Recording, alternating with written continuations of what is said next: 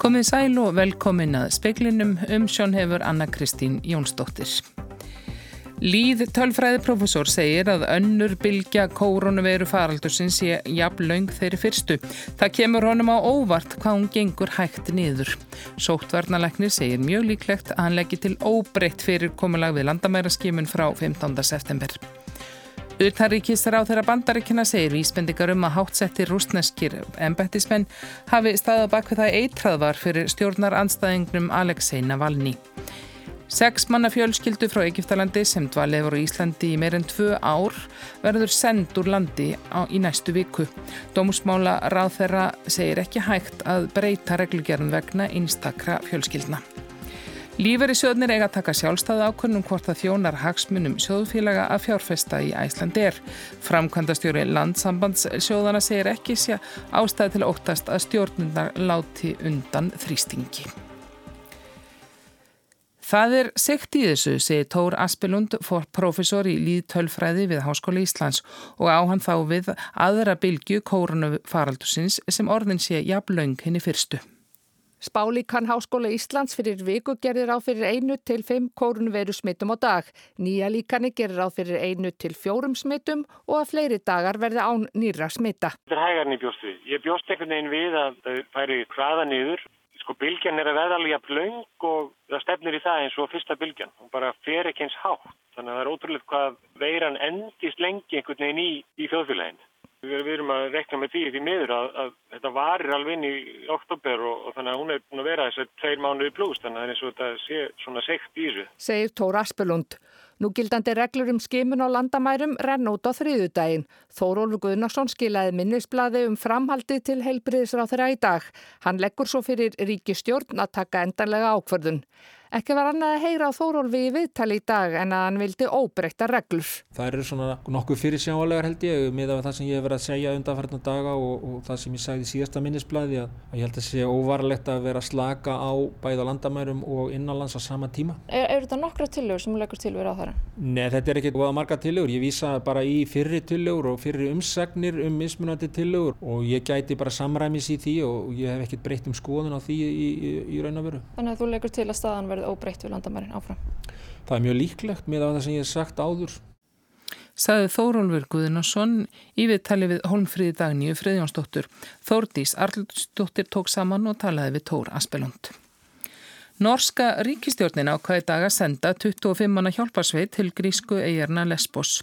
Mória flótamannabúðirnar brunnuðar í fyrir nótt. Íbúarnir 13.000 talsins eru án húsaskjóls.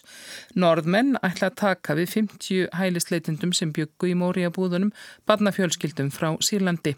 Angela Merkel, kanslari Þýskaland, staðfesti síðdeis að þjóðverjar og frakkar ætluð að veita hæli nokkur hundru íbúi Mória sem allir eru undir lögaldri. Áslög Arna Sigurbjörnsdóttir dómsmálar á þeirra segir stöðuna í Greiklandi vera svo nýkomna upp að ekki hafi verið tekinn ákvörðun um það hvort Ísland bjóði flótafólki hingað. Engi beðinni hafi borist um slíkt frá Greiklandi en ætla íslensk stjórnvöld að bjóða hjálpað fyrra bræði. Við erum alltaf að reyna að gera betur og við hefum ekki sendt fólk tilbaka í þær flótamannabúðir en nú eru auðvitað nýtt ástand þar, hörmungar ástand og mikil neyði heiminum þannig að við erum auðvitað munum skoða það. Sagði Áslög Arna Sigurbjörnsdóttir.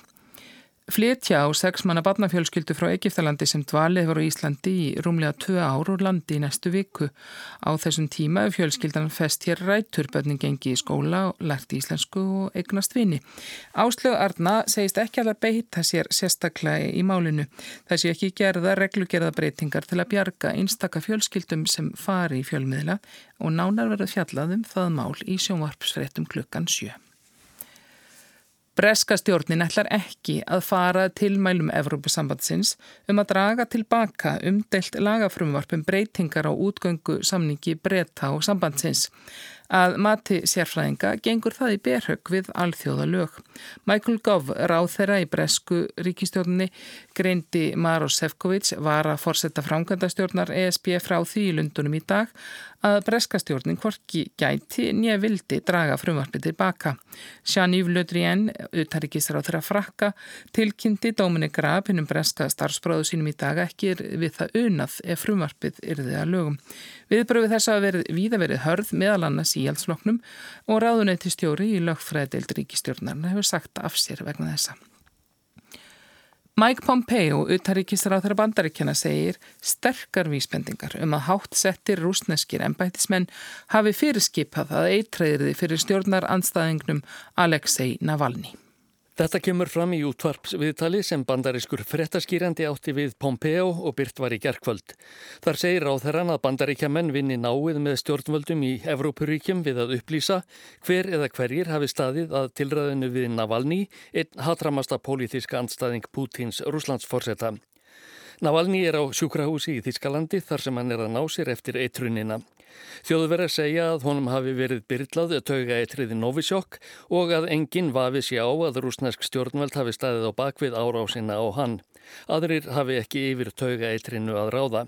Rúsar neyta þessu eindreið. Mike Pompeo segir ekki berum orðum að Putin og stjórn hans hafi verið að verki en gefur í skín að fyrirskipun um eitrunina hafi komið frá æðstu stöðum. Málið segir hann að komið sér afar illa fyrir Rúsland og rúsnesku þjóðina. Ásker Tómasson saði frá. Kvít rúsneski stjórnar andstöðuleg tógin Marja Kolesnikova hverst af óttast um lífsitt þegar flytja átti hann að nauðuga úr landi fyrir vikunni. Þetta gemur fram í yfirlýsingu sem lögmaður hennar gaf fjölmiðlum í dag. Kolesnikova var handtekinn aðfarunótt mánudags en næst fréttist af henni sólarring síðar og kom þá fram að flytja hafi áttan á tvo samstagsmenn hennar úr landi. Þeir hafi verið sendir yfir landamærin til Úkrænu en hún hafi komið í veg fyrir að vera send sömu leið með því að rýfa vegabref sitt. Kolesnikova segir í yfirlýsingunni að Pókja hafi verið settur yfir höfuð hennar og henni sagt að fær hún ekki úr landi að fúsum og frjálsum vilja yrði hún send þangað engu að síður lífs eða liðin. Henni hafi einni verið hóta 25 ára fangilsi. Kolesnikova sittur nú í fangelsi Minsk og verður yfirheirð síðar í dag. Lagmaður hennar hegst höfða mál og hendur yfirvöldum vegna meðferðarinnar á henni. Kristján Róbert Kristjánsson saði frá. Tvær tillögur að álíktunum um bætta þjónustu og stuðning við flótamenn og umsækjendur um alþjóðlega vernd liggja fyrir kirkjuþingi. Kirkjuþing hófs klukkan 2 í dag er reyndar með framhalsfundi Kirkjuþings frá því fyrra sem halda átt í vor en frestast vegna COVID-19. Kirkjuþing 2020 hefst að þeim fundahöldum loknum og stendur fram á helgi. Margar tilur likja fyrir þinginu. Tvær þeirra fjallum flottamenn. Önnur er flutt af biskupi og hveður áum að þjóðkirkjan sé opinöllum sem búa og dvelja á Íslandi.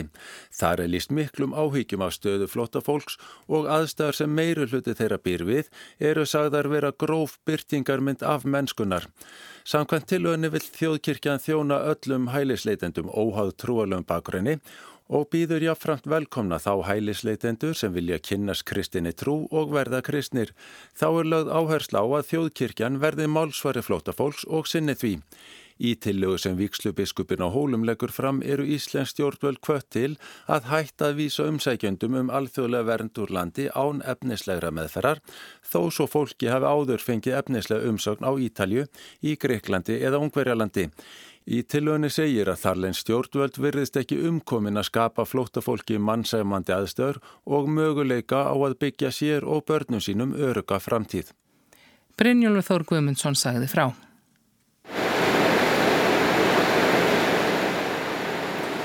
Þeir sem búa og starfa í grendið Bórholt í Reykjavík verða venjast þessu hljóði næstu vikunar því að jarðbórin Nasi var ræstur í dag vegna framkvæmda við heitafas bórhól í göttunni. Bórhólan hefur þjónað borgarbúum í næstum 60 ár, nú er í henni þrenging og því hefur dreyið úr afkastunum. Talið er nöðsilegt að ringa, hreinsa og fóðra hóluna áður hún verður endur virkjuð í vetur. Talsverður háfaði og rask fylgir framkvæmst þessari en búist er við að bóra þurfi næstu fjóra til sex vikur í tólf tíma á dag.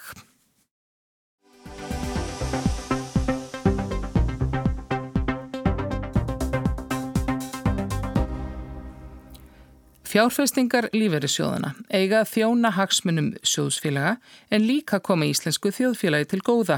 Stjórnir sjóðana bræðan og með sér hver í sínu lægi hvort þar eigi að taka þátt í hlutafjár útbóði Æslandi er í næstu viku. Þórei S. Þóruðadóttir, framkvæmdastjóri landsambands lífeyrissjóða, hverst ekki hafa trú á því að sjóðirnir láti beita sig þrýstingi.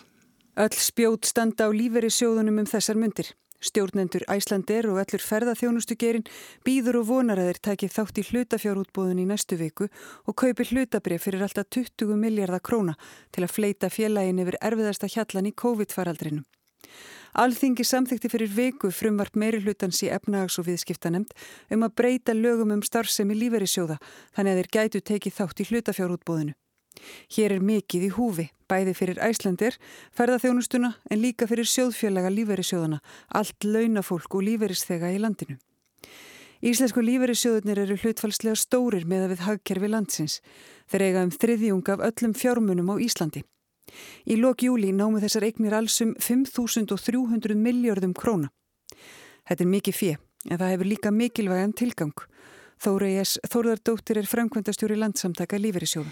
Sko tilgangurinn er fyrst og fremst að eiga fyrir lífeyrisgreðslum þegar því kemur. Þegar fólk er hægt að sapna eh, og er að, er að vinna og er með launatekjur að það eigi til hlýðar og, og íslenska kerfið hefur verið byggt upp að megin stefnu sem sjóðsafnunakerfi og þar leðandi eru svona mikla regnir en við annar staðar þar er svo kalla gefn gegnumstreymiskerfi þar sem að e, skattgreðendur eru raun að fjármagna eldri kynsluður. Í öðrum löndum er hættan því svo að fámennar kynsluður vinnandi fólks eigi erfitt með að halda upp í fjölmennum kynsluðum líferistega. Hér sapnar hver og einni sinn sjóð og sjóðurinn hefur þann eina tilgang að ávaksta þetta fyrir með ábætasumum hætti svo sjóðfélagar fái sem hæstar líferiskreðslur. Eða hvað? Hafa þeir líka einhvern annan tilgang? Beraður að einhverju leiti ábyrð á haugkerfi landsins þurfa þeir að styðja við atvinnulífi þegar á móti blæs? Þeir hafa gert það. Það er alveg ónættilegt að e, hérna í, í, eftir bankarhönnið þá komi sjóðunir alveg ofbáslega öflugir inn. Þeir voru raunni e, eina svona alvöru stóðin sem að e, reysu upp og átti fjármunni og, og við höfum komið okkur rosalega fljótt á laginnar aftur Heldur það að verið á, á kostnað sjóðfélagun? Nei, alls ekki. Alls, alls ekki. Það, eh, það var mjög góð ávöxtun búin að vera á fjármönnum og, og sjóðunni komi bara til þess að eh, komi og byggðu upp öflutt aðtjónulíf í framhaldinu. Og það er náttúrulega eitt af tilknáknum líka. Það er að, að standa að fjárfestingum sem að eru íslensku þjóðfélagi til góða og þar með sjóðfélagunum líka og þannig að þetta er, svona, þetta er balans. Þá víkur sögun að Ísland er. Fljófélagið berst fyrir lífi sínu. Það var á brattan að sækja áður en COVID-faraldurum braust út og kifti stóðunum undan ferðarþjónustunum allan heim. Æslandir tapaði 45 miljardum króna á fyrstu sex mánuðum ársins. Það blasir við að spyrja hvort félagið geti tælist góður fjárfestingarkostur fyrir líferisjóði sem eiga gæta hagsmun og sjóðfélaga sinna. Á móti kemur að nokkri stóri líferisjóður, líferisjóður starfsmanna ríkisins, líferisjóður verslunamanna, gildi og byrta líferisjóður er í hópi stærstu eiganda Æslandir. Forsvarsmenn sjóðan er á meðal þeirra sem forsvarsmenn Æslandir hafa hitt og fórstjóri félagsins vonast til þess að þeir taki þátt í hlutafjárútbúðin í næstu viku. Þarna er má alveg búast við því að sín sjóðana sé ólíka á þessa fjárfestingu. Þessi fjárfesting verður metin út frá hagsmunum viðkomandi sjós, hvernig þeir metana, hvort hún sé örug og, og svo framvegs. Þannig að, og, og það þarf ekki að vera þannig að sjóðinni sé eitthvað samstiga í líkum mati. Nei, þeir, þeir geta verið með mjög skipta skoðanir og þannig á það að vera. Þeir eru í samkeppni og og það dreifir áhættu út af fyrir sig. Það sé ekki hjarðhægðun og allir gerir hlutin eins eins og við þekkjum að það getur verið mjög hættulegt. En nú allir þeimast píratar líst yfir áhyggjum því að það sé verið svona þrýsta á lífeyrissjóðuna að taka þátt í hlutafjörútbóðinu að, að svona uh, stjórnvöld sé svona hanna atbyrðarás sé, sé þannig að lífeyrissjóðunir finnir sér knúna til þess að taka þátt í Ég hef ekki trú á því að sjóðunir standist það ekki. Ef þeir eru beitt í þrýstingi, þeir vita alveg hver grunnskilda það er, þeirra er og það eru umbóðskildan, það eru sjóðfélagarnir til lengri tíma. Þetta eru langtíma fjárfestar sem að ekki líta til skamstíma. Þannig að þrýstingur eða eins og lagaheimild að þeir megi taka þátt og annað það er ekki, það er með sagt að, að sjóðunir líti á það að þeim sé eitthvað skilt að standa ákveðnum fjárfestingum, það það er enga veginn. Saði Þóri S. Þóruðardóttir, Sigriður Haglín Björnsdóttir rætti við hana.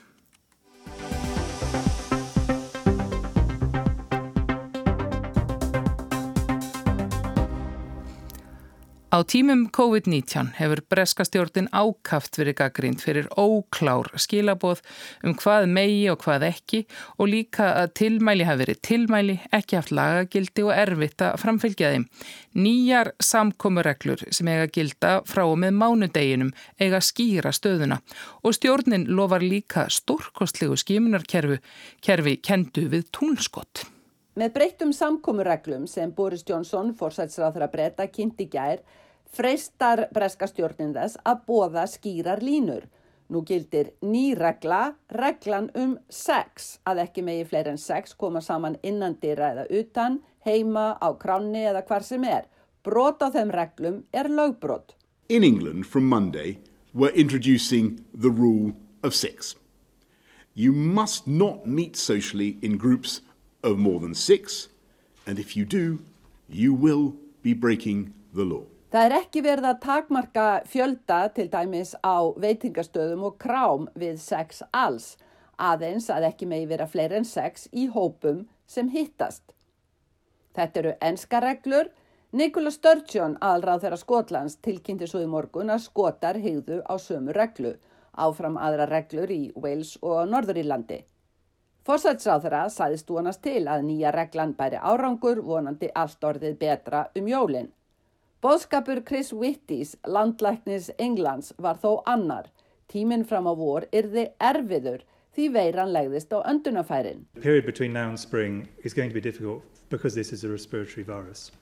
Uh, I think in terms of the ex existing restrictions, people should see this as the next block of time. Alveg ljóst sagði landlæknir að nýju reglurnar eru ekki aðeins til örfara vikna.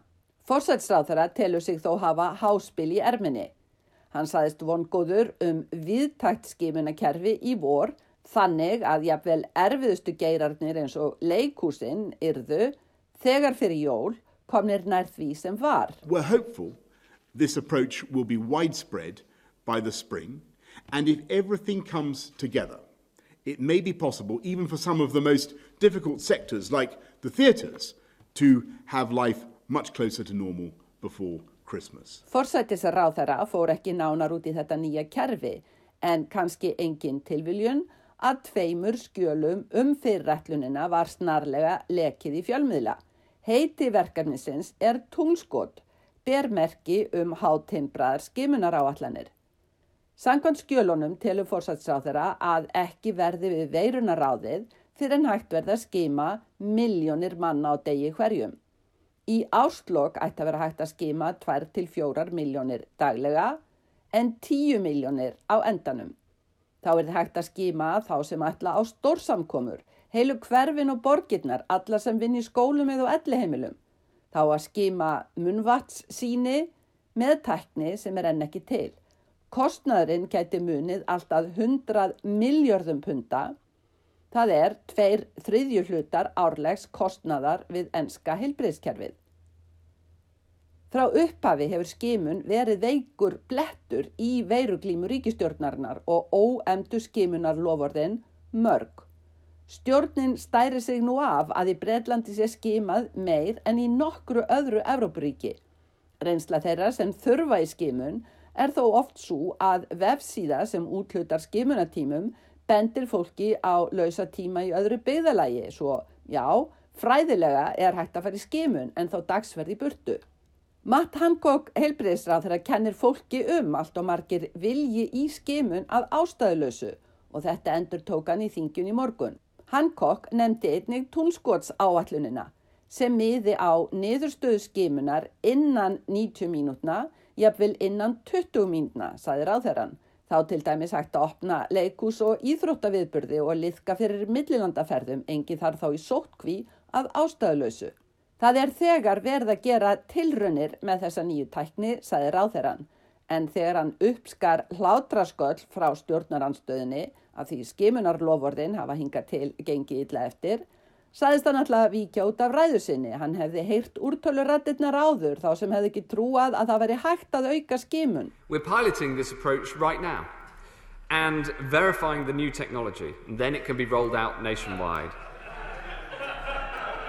And Mr Speaker, I'm going to depart from my script here because I've heard the naysayers before and I've heard the people on the other side complain we'll never get testing going. Fjari lægi, saði Hancock, stjórnin hefði staði við allt sitt.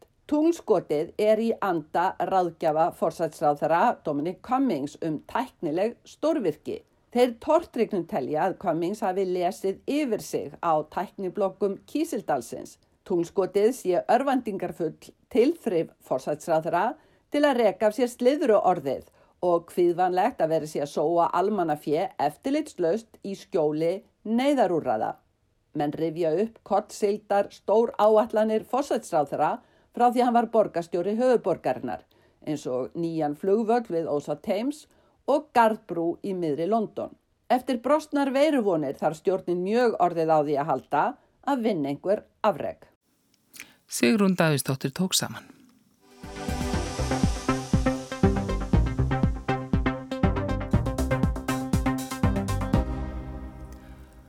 Rúmlega 8 miljónir spænskra barna og unglinga snúa aftur á skólabekki í þessari viku eftir að veri heima í hálft ár.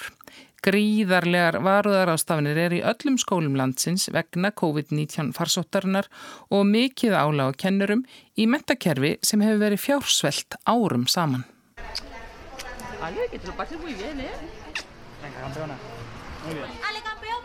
Það er fyrsti skóladagur í breyttum heimi. Kennarin byrjar daginn á því að útskýra fyrir börnunum hvar þau þúa sér um hendurnar, hvar þau spritti hendurnar og þegar börnin mæta í skólan á mótnana fara þau í röð. Einn kennari sprittar hendur og annar skóna. Svo er hittinn mældur.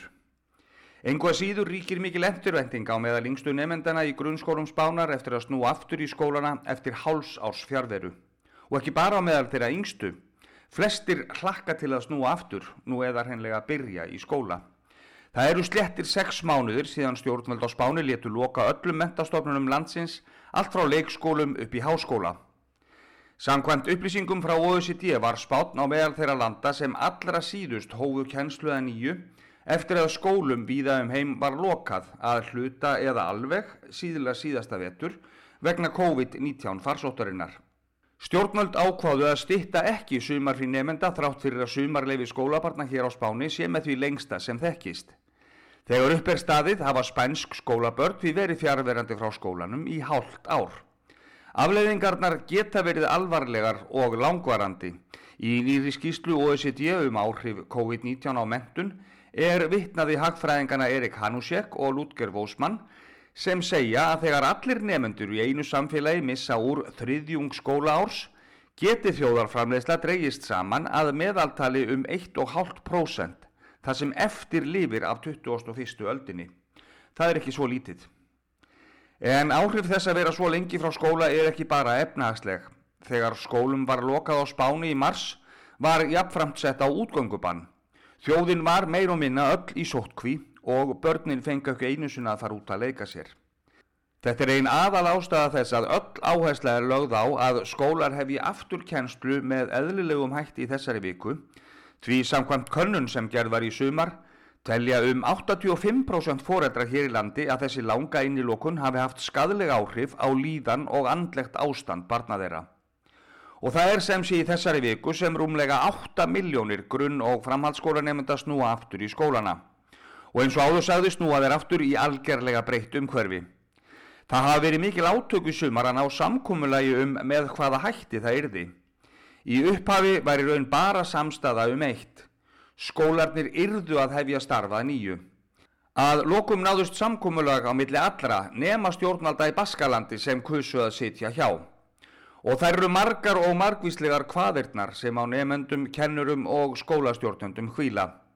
Bara til að nefna fáar þá þurfa allir nefnendur frá 6 ára aldri að ganga með grímur allan skólatíman að undanskildum nestistíma. Gæta þarf að því að lámas fjarlæð á milli nefnda sé 1,5 metri. Híti hvers einasta nefnda er mældur í upphafi skóladags. Nefnandi með hýta fær ekki að fara inn í skólan. Foreldrar mega ekki koma inn á skólalóðina og öll samskipti þeirra við skólastjórnendur fara fram í gegnum síma eða tölvupóst. Já, og svo fara börnin út í þrjí mínutur og á meðan eru öll borð og stólar sóttreinsuð. Svo ringir eða flautar kennarinn inn í tíma og þá þarf hver einasti nefandi að fara í gegnum sama ferlið, halda reglunum einn og halvan metra í röðinni og spritta hendur og skó. Allt kostar þetta peninga og það leiðir okkur að stærsta þrætuöflinu í umræðinu um skólahald á spáni þessi misserinn. Peninga. Spænst mentakerfi er í djúpum tilvistarvanda. Hann má að mati margra bladamanna sem fjallaði um mentakerfið fyrst og fremst reykja til áratuga tókstreitu á milli sósjaldemokrata og hægri manna sem hafa skipst á að leiða ríkistjórnum landsins allt frá því er líðræði tók við af einræði Frankós á 8. áratug síðustu aldar. Á síðustu áratugum síðustu aldar tók spænska mentakerfið risa skref inn í nútíman og spánverjar stærðu sig af því að vera komnir með mentakerfi sem stæðist velferðaríkjum norðusins fyllilega snúning. En síðan hefur heldur fjarað undan. Stóran þátti því á fjármálakreppan fyrir áratug. Framlög spánverja til mentamála námu þá 53 miljardum evra en dróust saman um 20 af 100 næstu 5 ár. Í dag, rúmum 10 árum síðar, eru þau enn lægri en þau voru fyrir hrun. Og gagkvæm óeining, óvild eða jafnvel hatur á milli sósjalista og líðflokksins, eins og stóri hægri flokkurinn heitir hér, hefur ekki bætt úr skák. Flokkonum, sem eru sannarlega törnarnir tveir í spenskum stjórnmálum, er fyrirmunað að starfa saman. Þeir hafa því skipst á að leiða ríkistjórnir síðustu árin, oftast minnihlutastjórnir, með stuðningi lítilla þjóðurni sinara flokka frá Baskalandi og eða Katalóniu. Frá aldamótum hefur lögum um mentamól verið breytt ekki sjálfnar en þrísvarsinum, allt eftir því hverjir sita í stjórn og það hefur aukið enn á ringulreiðina. Og í sumar þegar neyðin var meiri en oftast áður gætt þingið ekki einu sinni komið sér saman um neyðarpakka til þess að koma mentakerfinu til aðstóðar. Skipu var þing nefndi í fulltrúadeildinni til þess að ná sátt um hvernig best væri að koma skólakerfinu til hjálpar. Eftir tveggja mánuða yfirlegu og fundahöld komst nefndin að sameileri niðurstöðu sem var lögð fyrir þingið. Þingið gerði sér lítið fyrir og feldi tillöguna með 175 atkvæðum gegn 172 og skólarnir fengu enga aðstóð. Það er því kannski ekki nema von að leiðarahöfundur stærsta dagblæðslandsins El País hafi um síðustu mánuðamót bengt spjótum sínum að stjórnmálamönnum landsins, bent þeim á að þvergirðingsháttur þeirra og vanhæfi hefði haft alvarlegar afleiðingar fyrir spænst samfélag á síðustu árum. Nú ríðuðu hins vegar flestar meginstóður samfélagsins til falls, mentakerfið, helbriðiskerfið, efnahagslífið og félagslega kerfið. Það væri því skilda viðtóa stóru flokkana að taka höndum saman á þessum örlega tímum. Það er hins vegar ekkert sem bendir til þess að leiðarahöfundi eða lungar spænsku þjóðarinnar verði að þessari ósk sinni. Jóhann Líðar Harðarsson, fréttarittari á Spáni, sagði frá. Og veðurhorfur á landinu til miðnættis annað kvöld eru þær að það verður vaksandi norðaustanátt með rigningu norðvestan til í kvöld, víða kvassviðri eða stormur á morgun. Annars fremur hæg austlega átt og skúrir, svalt norðan til en myllt siðra. Og það var helst í speglunum í kvöld að Líð tölfræðiprofessor segir að önnur bylgja kórunveru faraldursins sé að jafn laung þeirri fyrstu. Það kemur honum á óvart hvað hún gengur hægt niður. Sóttvarnalæknir segir mjög líklegt að hann leggir til óbreytt fyrirkomulag við landamæra skimun frá 15. september. Utanríkis ráð þeirra bandaríkjana segir vísbendingar um að háttsettir rúsneskir embættismenn hafi staðið á bakvið það að eitrað var fyrir stjórnar anstæðingrum Alexei Navalny. Seksmanna fjölskylda frá Egiptalandi sem hefur verið á Íslandi í meirinn tvö ár verður sendurlandi í næstu viku.